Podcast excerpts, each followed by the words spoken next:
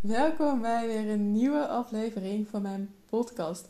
Super fijn en super mooi om je hier vandaag ook weer te hebben in deze space. Op dit moment ben ik nog steeds in Portugal.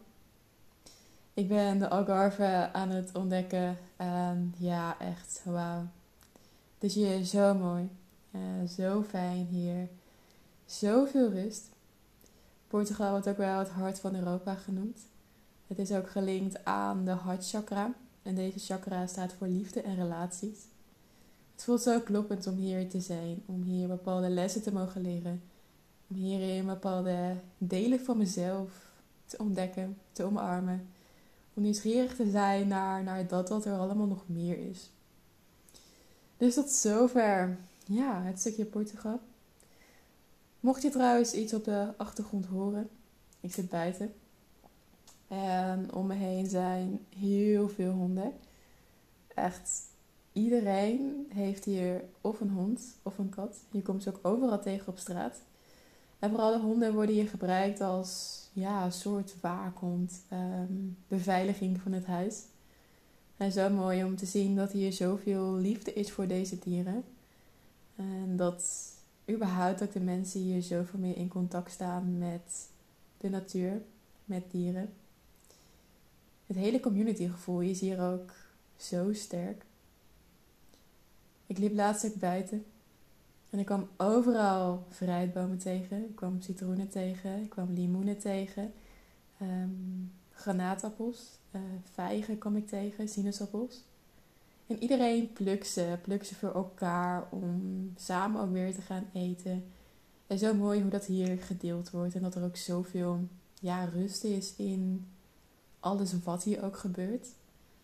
Als ik kijk naar Nederland, daar voelt alles heel gehaast. En ja, het moet nu direct gebeuren. We moeten direct in de actiestand stappen. Terwijl het hier veel meer ja, vanuit de vrouwelijke energie voelt. Van oh, ik doe even een stapje naar achteren.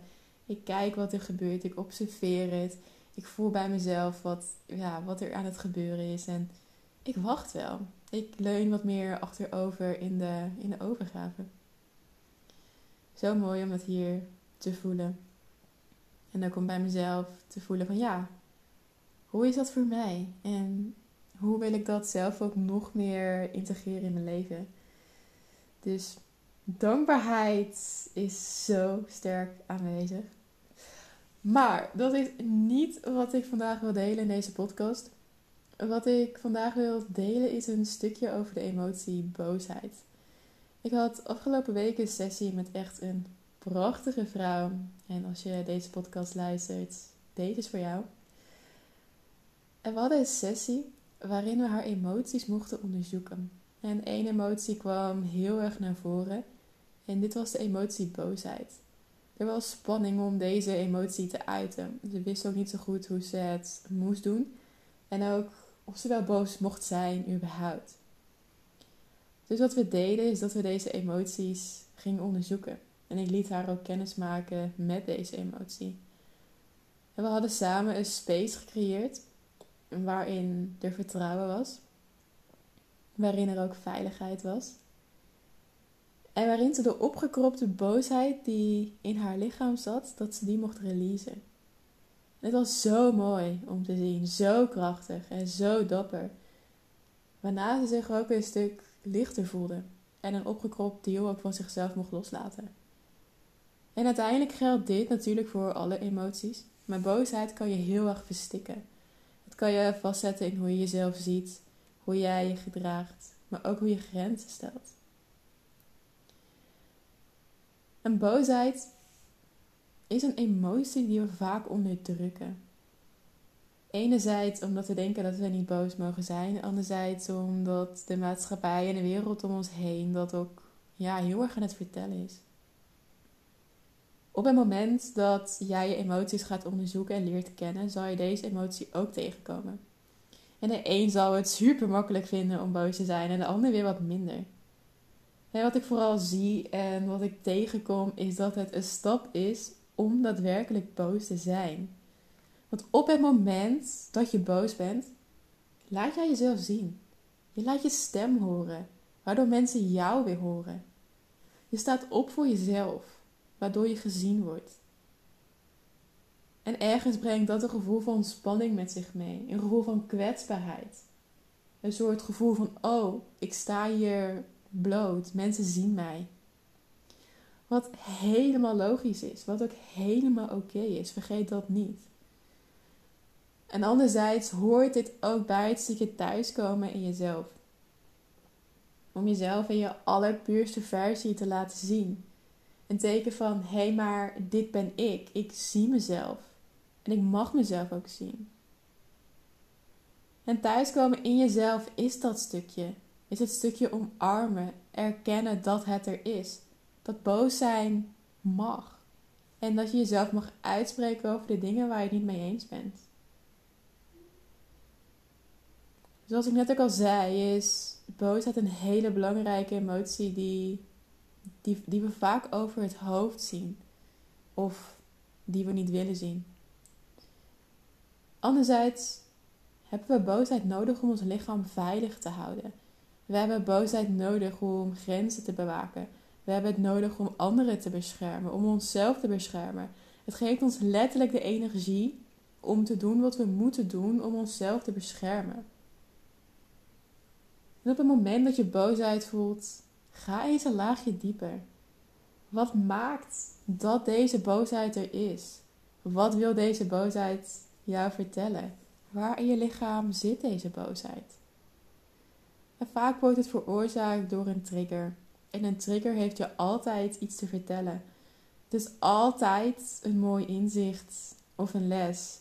En het is aan ons om in die spiegel te durven kijken.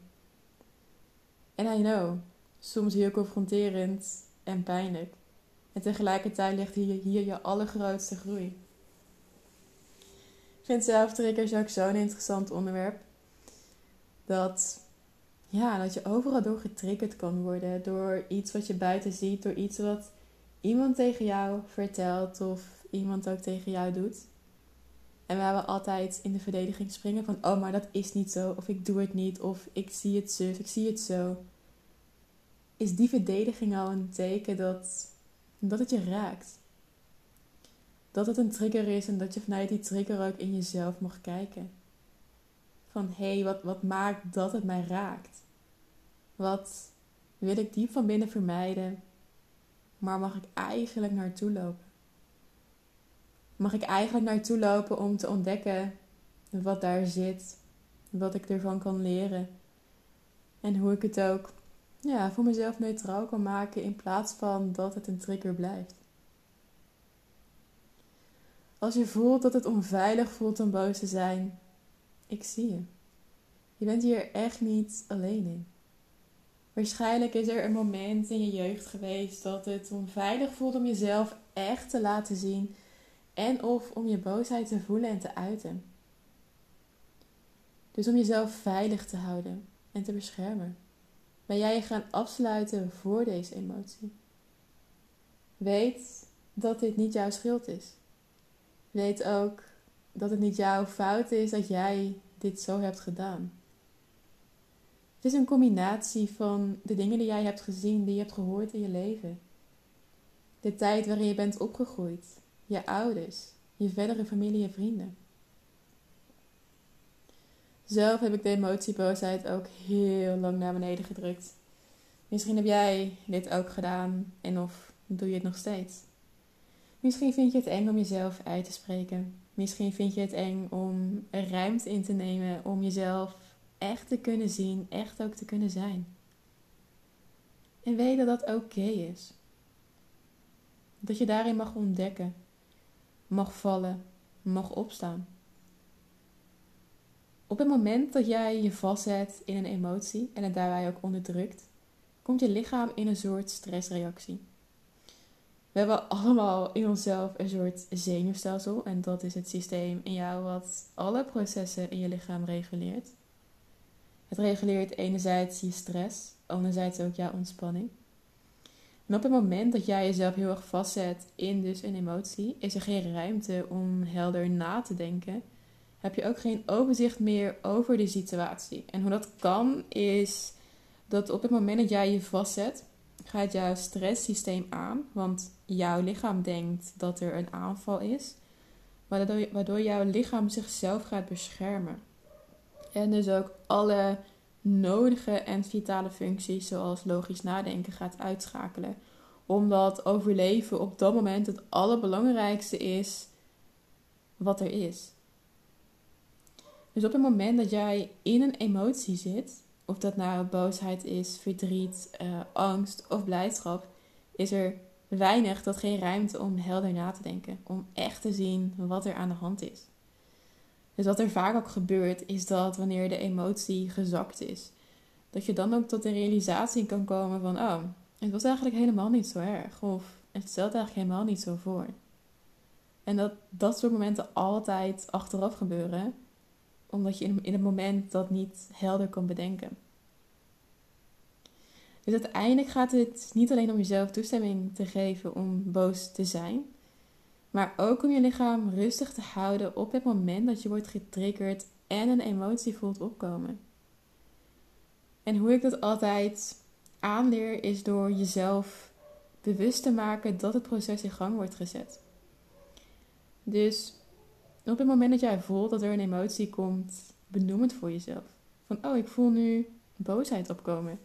Ik voel nu verdriet opkomen. Oké, en wat gaat er gebeuren? Wat voel ik in mijn lichaam? Hoe kan ik mezelf geven wat ik nodig heb in deze emotie? Om het enerzijds te voelen, maar ook weer om het te kunnen loslaten. Uh, wat ik je voor nu vooral wil meegeven op het moment dat je moeite hebt met de emotie boosheid. Ga op onderzoek voor jezelf. Onderzoek wat deze emotie voor jou betekent. Welke lading jij eraan geeft. Welke definitie. En geef daarin jezelf de ruimte en de toestemming om het te kunnen onderzoeken. Om jezelf te ontmoeten op de plek waar je nu staat. Om deze plek ook te onderzoeken. Wat mij heel erg heeft geholpen om boosheid te voelen, is door het letterlijk te opwekken. Ik heb echt heel lang hardcore muziek opgezet. Uh, en deze muziek maakte mij gewoon heel erg boos. Ik liet mezelf helemaal in de muziek gaan. En op het moment dat ik voelde van oké, nu is het genoeg, zette ik ook de muziek uit en voelde ik wat er in mijn lichaam gebeurde. Om te ontdekken hoe boosheid voelde. Om te ontdekken of ik wilde schreeuwen, of ik in een kussen wilde slaan of juist wilde schrijven. Soms voelt boosheid als iets dat eruit mag. Van oh, ik moet het letterlijk releasen om het kwijt te raken. En soms is boosheid meer in jezelf en kan iets als schrijven of dansen veel beter helpen. Zo mooi ook om dit te onderzoeken voor jezelf. Om jezelf ook weer deze nieuwe kennis over jezelf te geven. En in het begin kan het wat ongemakkelijk zijn. Maar weet dat hoe vaker je dit doet, hoe makkelijker het ook wordt. En als je voelt dat jij dit samen wil doen, weet dat je altijd welkom bent. Via de link in de show notes kan je altijd een sessie bij me boeken. Ik leer je graag hoe je ook zelf kan navigeren door je eigen emoties. Om ze te herkennen, om ze te zien, te omarmen, te accepteren en te doorvoelen op het moment dat er dingen gaan spelen in je leven. Want laten we eerlijk zijn, dat gaat sowieso gebeuren. Dus sta jezelf ook toe om je eigen emoties te zien. Om ze te zien voor dat wat ze zijn. Om ze te zien voor de boodschappen die ze jou willen geven. Want er zit zoveel wijsheid in. En zoveel wijsheid om van je hoofd naar je lichaam te gaan. Om niet alleen maar te denken, maar vooral ook te voelen. Want in je hoofd zijn geen antwoorden. Hoe graag we het ook willen. Je hoofd is praktisch geconditioneerd door alles wat er tegen jou is gezegd, door alles wat jij hebt gezien, hebt meegemaakt. Dus keuzes maken met je hoofd is geen goed idee. Voelen met je hoofd is al helemaal geen goed idee, want je hoofd kan niet voelen. Dus alles zit in jouw lichaam. En ik geloof zo sterk dat we daar met z'n allen meer mogen naar gaan zakken. Om in de hele chaos wat zich nu afspeelt in de wereld te leren vertrouwen op het enige zuivere mechanisme wat we nog in ons hebben. Dus ga zakken naar je gevoel. Ga ontdekken hoe het daar werkt voor jou. En als jij voelt, ik wil dit samen doen, plan vooral de sessie in. Je bent echt welkom. Als jij naar aanleiding van deze podcast nog een vraag hebt, let me know. Dit is. Ik zit, ik zit nog even zelf te voelen, maar ik ben zelf ook even leeg. Ja, dit is wat ik voor vandaag wilde delen. Ik ga lekker genieten zo van mijn dag.